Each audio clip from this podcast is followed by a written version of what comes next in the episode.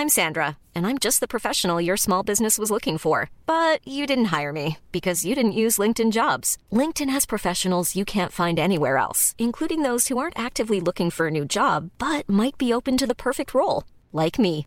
In a given month, over 70% of LinkedIn users don't visit other leading job sites. So if you're not looking on LinkedIn, you'll miss out on great candidates like Sandra. Start hiring professionals like a professional. Post your free job on linkedin.com/people today.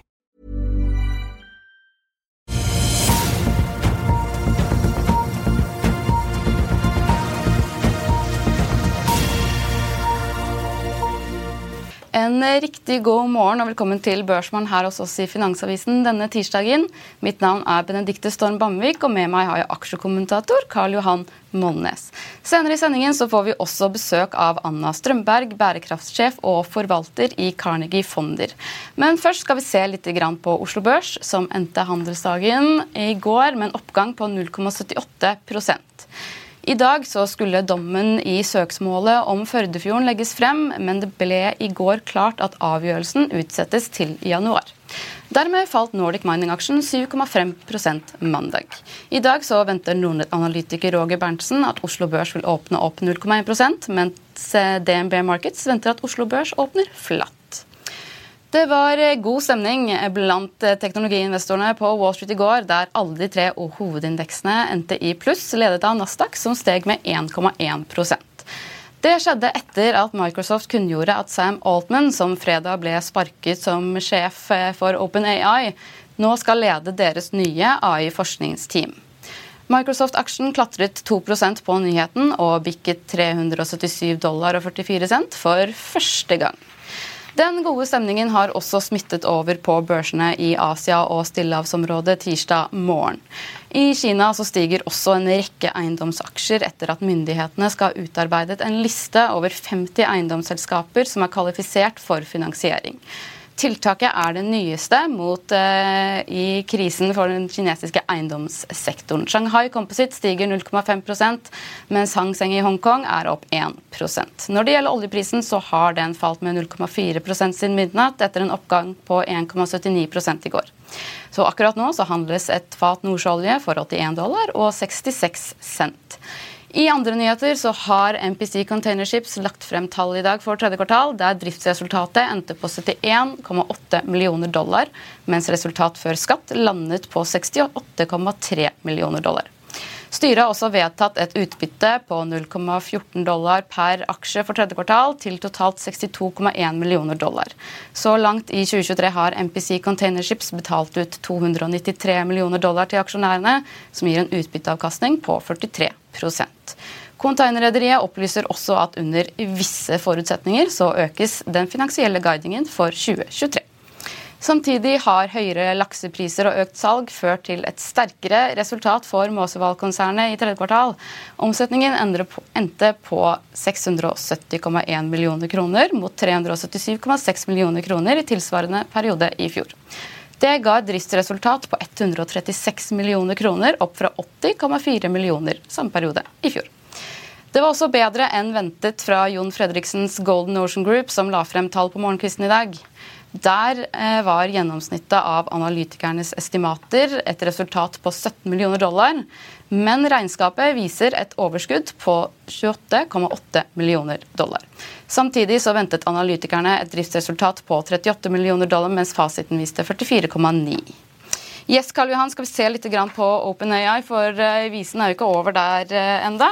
Nei, det har vel bare nettopp begynt. Så ja. det, dette her er jo en, eh, en åpning da, av avløpet. Da, og det er jo en grunn til at Microsoft eide 49% av OpenAI. Det er jo fordi at Da slipper de å konsolidere det, og OpenAI blir jo kunde, og de kan belønne de ansatte med opsjoner. og De, de slipper å blande seg opp alt, inn altfor mye. Så, så, det at eh, de skal komme til å ta 700 ingeniører på sin bok og eie dette 100% det tror jeg ikke noe på. Det, de kommer til å sette opp noe lignende, selskap lignende, og de kommer til å miste en del ansatte. For nå kan jo de legitimt da eh, gå ut og gå til Salesforce som har noen av de råeste opsjonsordningene og er ute etter å skaffe en folk. og Så en del folk vil gå dit. da. Og, og eh, eh ja, dette her er de, de, må sette en ny struktur for dette. her da. Och eh, den, eh, du kan godt ha en non-profit-enhet et eh, eller annet sted, men den kan ikke være på toppen og bestemme over eh, Open AI.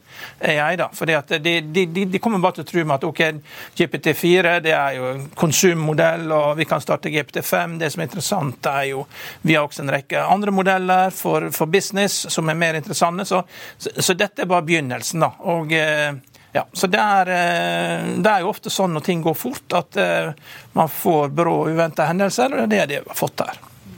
De, eh, de, ansatte har jo nå sendt ut et brev også, eller lagt ut et brev som ja.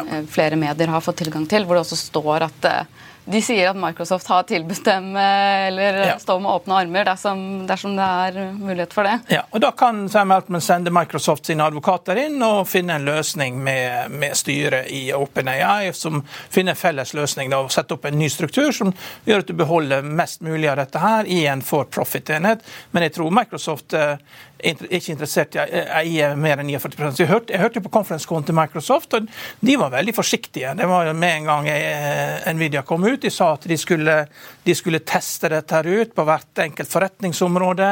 Og du vet, Amerikanske bedrifter styres jo etter magien. Det, er jo helt annet enn nordiske bedrifter, da, hvor, hvor vi er jo mye mer råvarebaserte. Og svenske bedrifter styrer jo etter profitt. Det er om å gjøre å få lavest mulig kostnader. Norge vi er litt mer happy go lucky. Bare prisene er gode, så går det bra. Men, men de har flywheel flywheel. da. Så de, sant, de har Gå inn der, styre marginene. og, og de, skulle, de, skulle, være veldig forsiktige. Det er ikke forsiktig å ta inn 700 veldig dyre ingeniører. For du klarer ikke, de, klarer ikke å, å, belønne de skikkelig heller. Du klarer ikke å få gitt de uh, opsjonsordninger nok.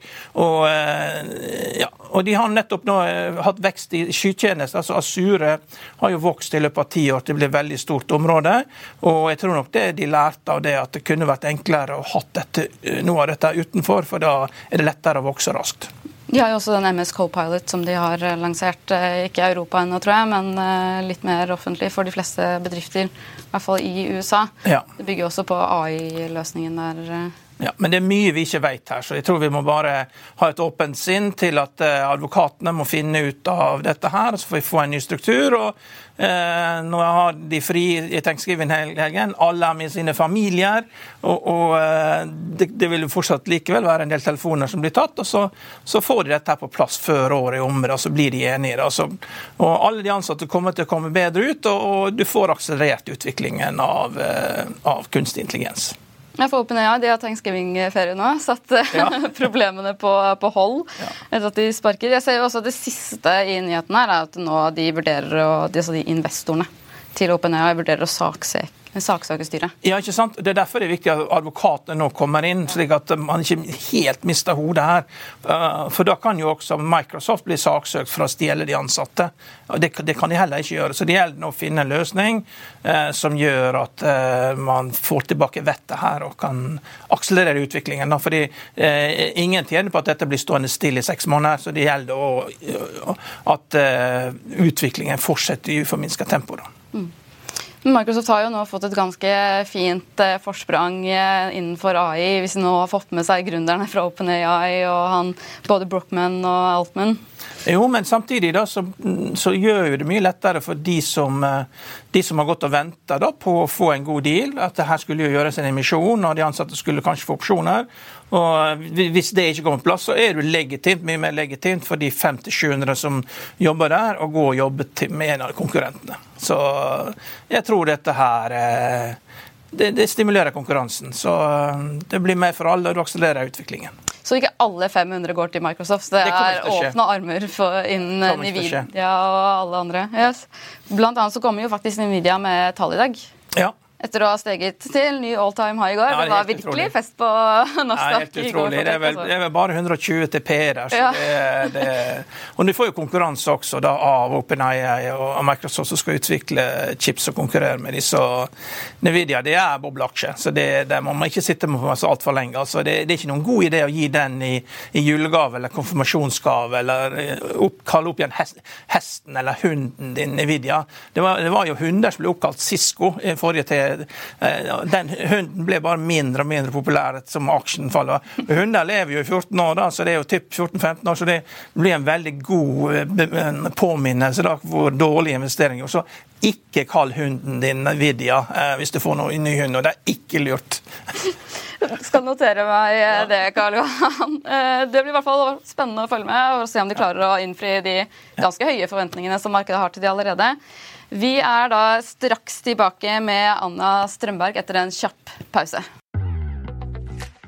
Vill du bli oppdatert på det viktigste som har skjedd innen finans og næringsliv? Da er det bare å følge med, for hver morgen er jeg, Marius Lorentzen og aksjekommentator Karl Johan Malnes på plass i studio for å ta tempen på dagens marked i Børsmorgen. Og hver ettermiddag oppsummerer vi alt du trenger å vite i økonominyhetene, og det blir selvfølgelig masse interessante gjester. Klikk deg inn på fa.no-tv, eller søk opp Børsmorgen og Økonominyhetene der du hører på podkast. Hey, I'm Ryan Reynolds. At Mint Mobile, we like to do the opposite of what Big Wireless does. They charge you a lot, we charge you a little. So naturally, when they announced they'd be raising their prices due to inflation, we decided to deflate our prices due to not hating you. That's right. We're cutting the price of Mint Unlimited from $30 a month to just $15 a month. Give it a try at mintmobile.com slash switch. $45 upfront for three months plus taxes and fees. Promote for new customers for limited time. Unlimited more than 40 gigabytes per month. Slows. Full terms at mintmobile.com. I'll see you in court. Vi sier det ofte litt på spøk, men for deg som driver business, er det aldri moro å innse at du ikke har laget en 100% gyldig kontrakt. Du bør ikke risikere hele firmaet ditt fordi du synes dette med kontrakter er litt stress. En avtale er ikke en avtale. Du kan miste kunder, miste venner, ja, til og med miste inntekter, om du ikke lager en skikkelig kontrakt, på alt mulig, egentlig. Men vi vet det er et styr kopimaskiner, tregprinter og haugevis av papir. Dessuten stoler vi jo på folk her i landet. Det er ofte litt kleint å skulle be om en signatur for alt mulig, ja, for mye av styret handler også om jakten på underskriften. Det finnes en enkel måte å løse dette på, Dukkobit, en trygg, effektiv og get this, gratis måte å sikre seg en god natts søvn pluss en juridisk bindende avtale. Dukkobit-appen har de strengeste sikkerhetskrav i bunn, samt en EU-godkjent og sertifisert teknologi. Framover vil det bli behagelig å spørre du, skal vi skrive under på det, eller? Kom i gang på dukkobit.no.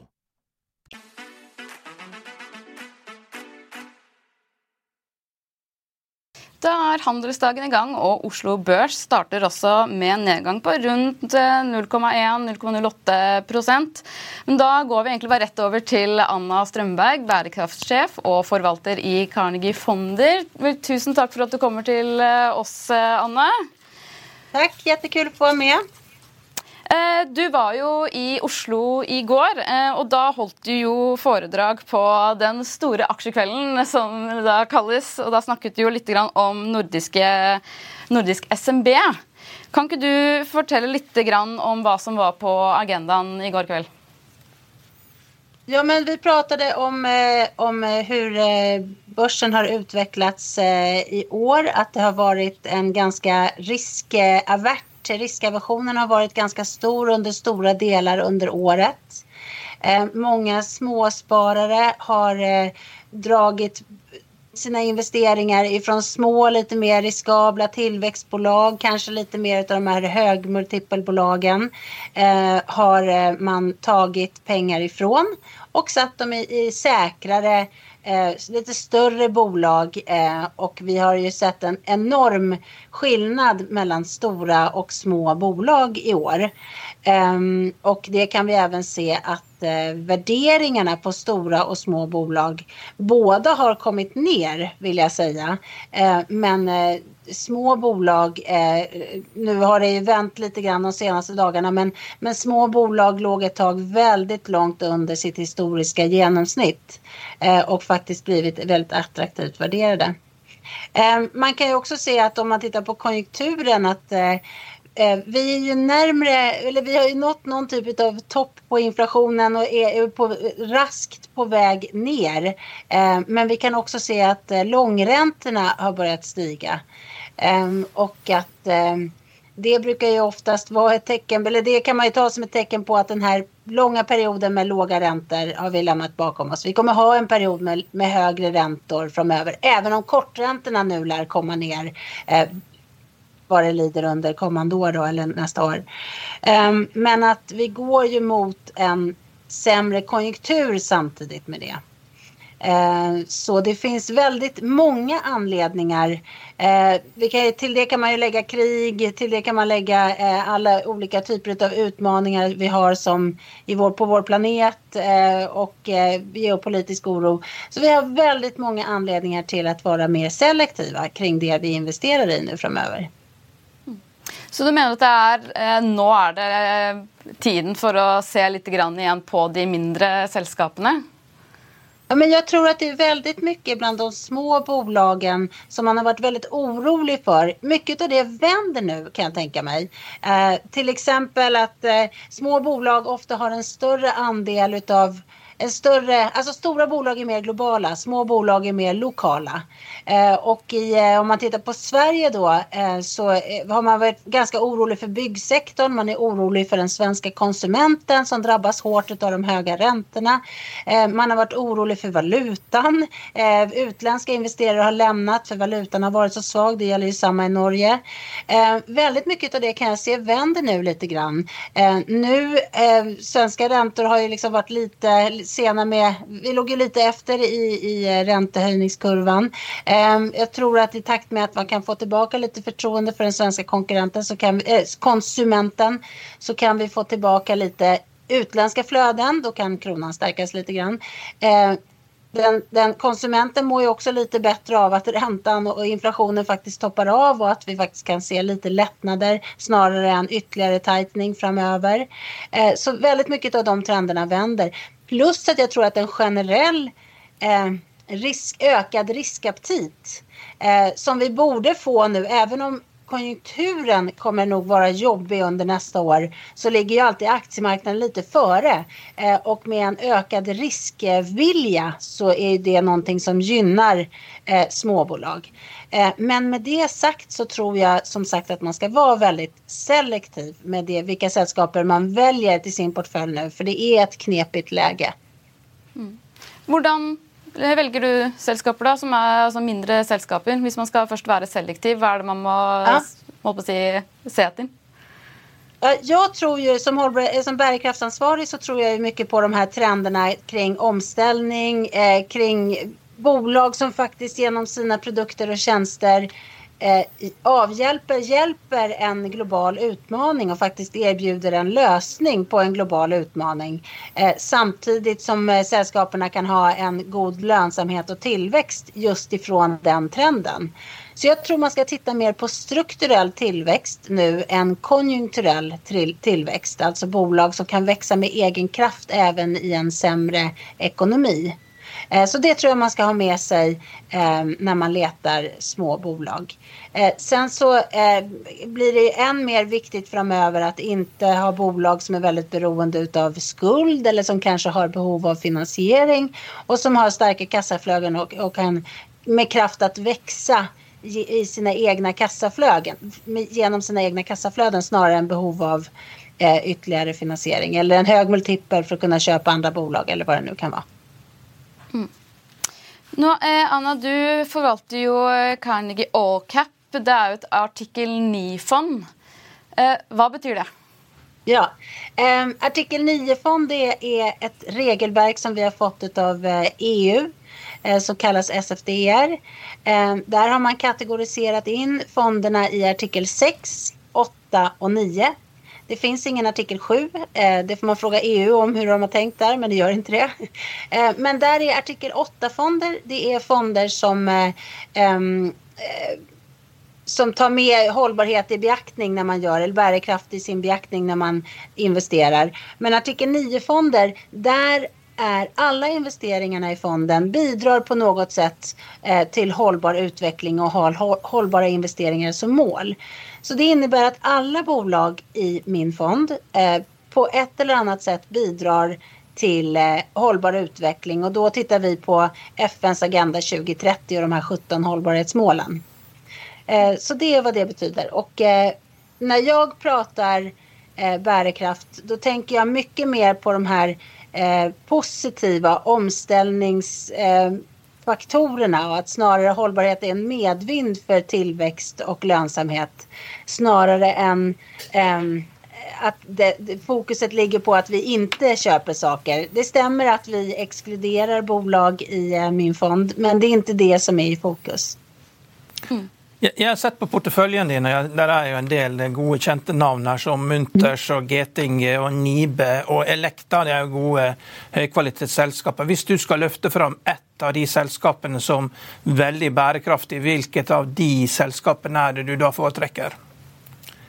Nej, men eh, jag tycker alla de såklart har väldigt tydliga bärkraftstrender bakom sig. Men eh, om vi tar ett av dem som du nämnde nu då så, så är väl Munters ett som är väldigt tydligt som eh, eh har eh, stor försäljning då till eh, datacenter. Ni pratade AI förut. Det är ju en eh, sektor som kräver väldigt mycket datakraft.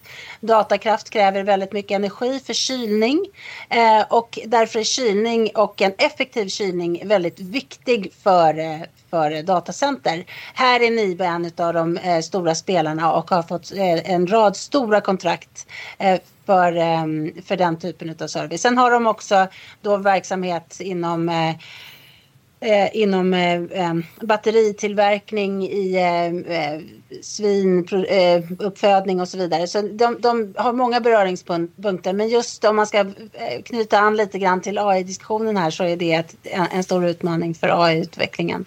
ett annat bolag som du nämner här där är ju då Geting och Elekta som ju såklart har på olika sätt men lösningar för för eh, hälsa, som bidrar till hälsa och eh, välbefinnande. Och Getinge har vi ju sett också, har ju varit en sån, eh, ett sånt bolag som har gynnats väldigt mycket av corona, men där vi också har sett att vi behöver den typen av produkter i större utsträckning för att klara av den typen av chocker, för att klara av en åldrande befolkning och så vidare. Och så har det funnits många anledningar till att vi har fått en väldig svängning i, i, deras, eh, i deras utveckling på grund av corona. Plus att de har haft eh, en del problem med eh, sina produkter. Men det tror vi nu att de har kommit till bukt med och att vi har en, en betydligt bättre ehm, och mer lönsam tillväxt framöver.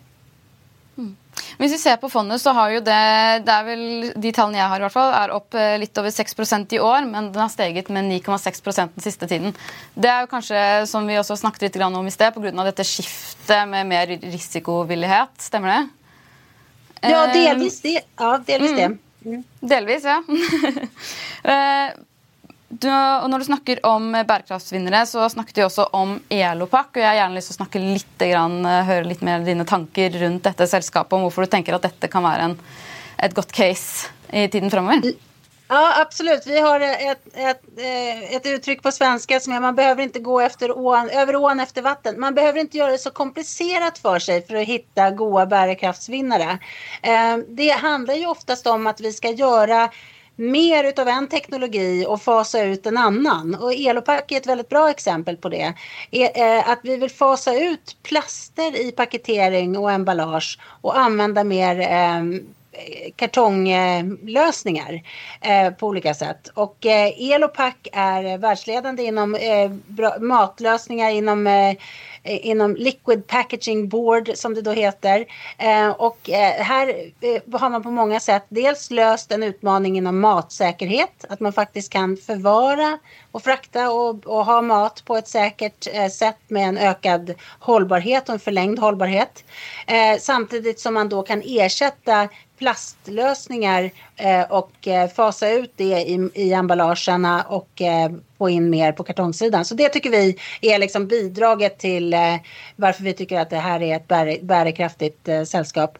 Eh, samtidigt så är det så att det här är också ett bolag som har haft eh, lite problem under, eh, under corona med lönsamheten. Nu har de fixat till det.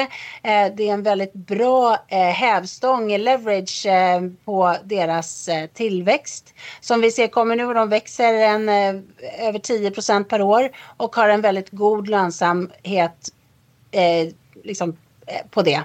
Eh, dessutom så befinner de sig i, eh, om man tänker på hela paketeringsbranschen så är de högst upp i värdekedjan där med, med ett högt eh, värdeförädlings eh, på sina produkter. Så att vi tycker att det här är ett väldigt fint och bra bolag. De bidrar till hållbar utveckling, ersätter plaster samtidigt som de har en väldigt god lönsamhet eh, ifrån den typen av trend. Ja. Sverige er jo, og Stockholm er jo kjent for å ha en rekke store banker. Eh, og Nå har jo Nordea flyttet til Helsinki, da, så det eh, med hovedkontor så er det litt mindre å velge i. og Før så var jo Handelsbanken alltid den dyreste aksjen, som spesielt utenlandske investorer var veldig glad i. Det var veldig stor stabilitet. Nå har både SEB og DNB blitt de dyreste bankaksjene. Jeg ser at eh, du har SEB som den eneste bankaksjen, og den er jo også kanskje den dyreste nå sammen med DNB. Hvorfor eier du SEB og ikke Handelsbanken? Dels så um Banker är väldigt svårt. Eh, vi tycker att banker är jätteviktiga för en eh, omställningsagenda. Det är ju de som ska låna ut pengarna till eh, privatpersoner och till företag för att man faktiskt ska göra den där investeringen i värmepumpen eller för att man ska göra den där vindkraftsinvesteringen om man är ett företag.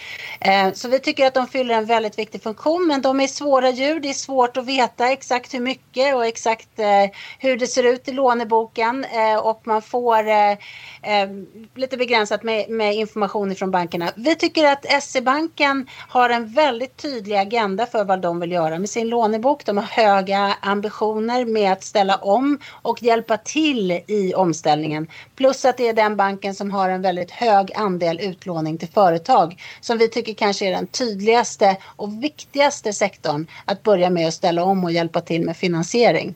Så därför har vi valt SE-banken. Men det stämmer att svenska börsen har väldigt mycket bank på, på, på börsen. Så att i min fond finns det väldigt lite bank eh, om man jämför med börsen som helhet.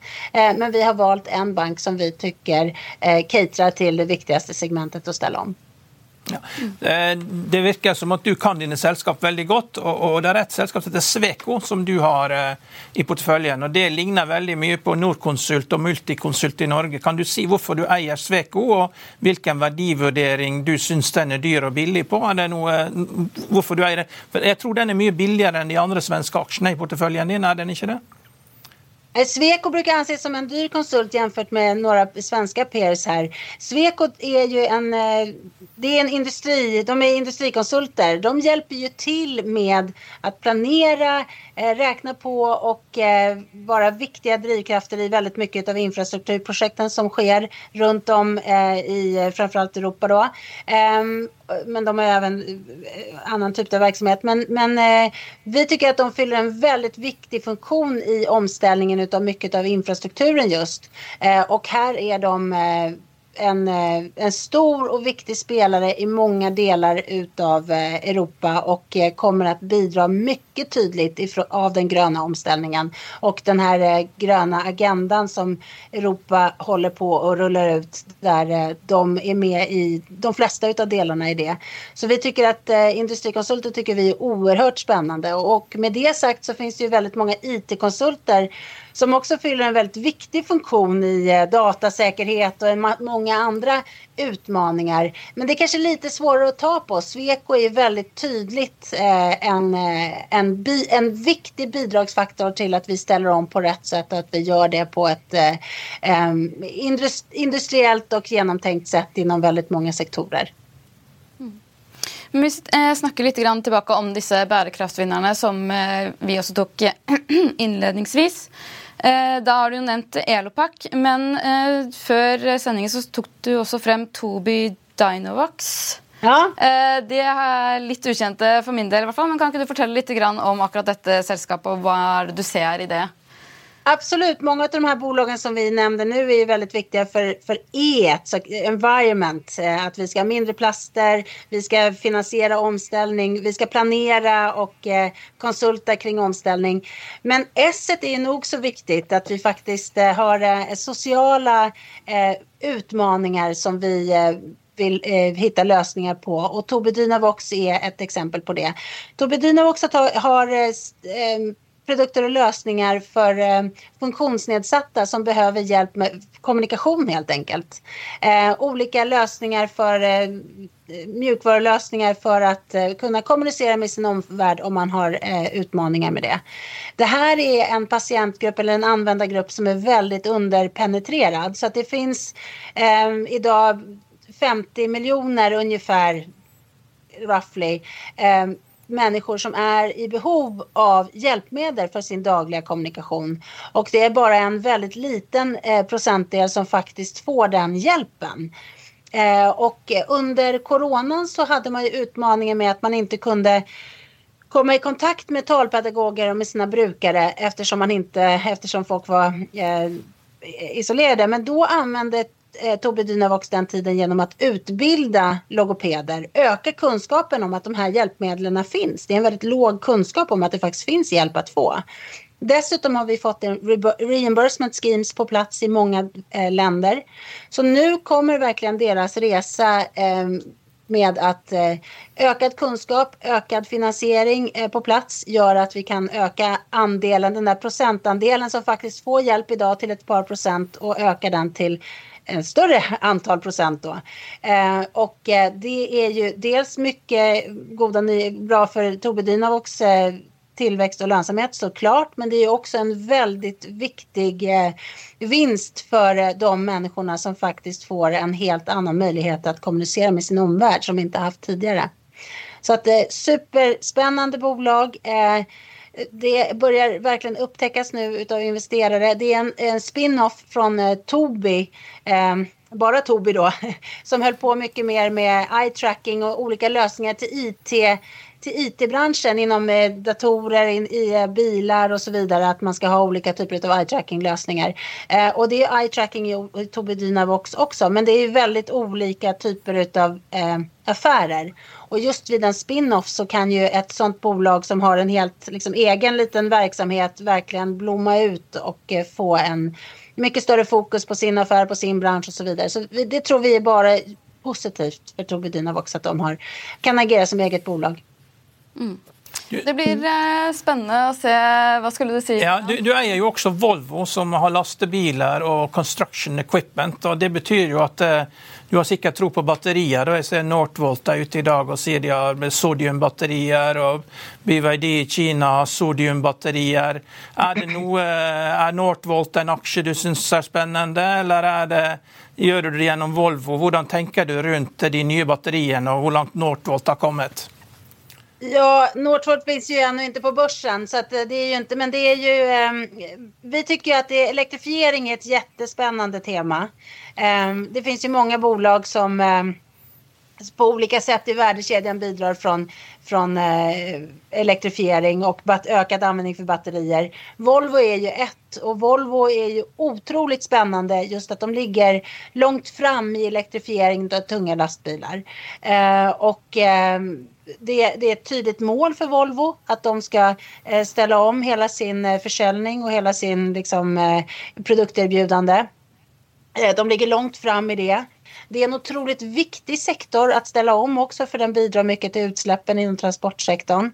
Eh, och såklart eh, ligger man först i, först i den trenden så kan man också ta Eh, bra betalt för det och eh, vi ser att, eh, att Volvo kommer kunna ta mycket marknadsandelar inom elektrifiering. Plus att Volvo har blivit ett, ett bolag som har en helt annan lönsamhetsprofil över en cykel än vad vi har sett Volvo ha tidigare. Eh, det här är ju ändå en ganska tuff ekonomi för dem och de levererar, eller en tuff eh, eh, omgivning för dem eh, och de klarar av att leverera mycket goda eh, marginaler som vi inte har sett eh, Volvo göra i tidigare cykler.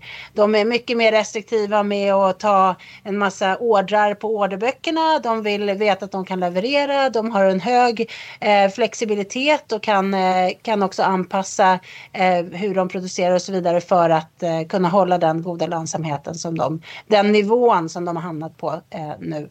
Så att Eh, det tycker vi förtjänar en högre multipel så att eh, det är goda anledningar alltihopa att behålla Volvo i portföljen. Ja, tror jag dessverre vi må sette en eh, strek der. Det blir spennende å se om investorene får tilbake risikoappetittene. Anna Strømberg, forvalter og bærekraftssjef i Carnegie Fonder, tusen takk for at du kom til oss i dag. Før vi setter en strek for dagens sending, vil vi bare minne om at i dagens utgave så kan du lese om eh, Gaute Eie, som på to år på rad har snudd eller på to år har snudd Eika-fondet fra å være verst i Norge til å bli bli landets beste. Helt i toppen er eies eget superfond Eika Alfa med 16,9% avkastning. Storfondet Eika Norge er årets tredje beste aksjefond med 11,9 Finansavisen skriver også om Ingvar Gjerdrem, skatteadvokat og partner i DLA Piper, som advarer om fatale konsekvenser for norske aksjeselskaper som ikke har skikkelig styring på skatteområdet. Han mener konsekvensene i verste fall kan føre til at selskapene mister investorer eller ikke får lån. Mer om dette og mye, mye mer kan du lese om på fa.no, der du også vil få siste nytt fortløpende gjennom hele dagen. Husk å få med dere Økonominyhetene i ettermiddag 14.30. Eller så får dere ha en riktig god dag videre. Takk for nå.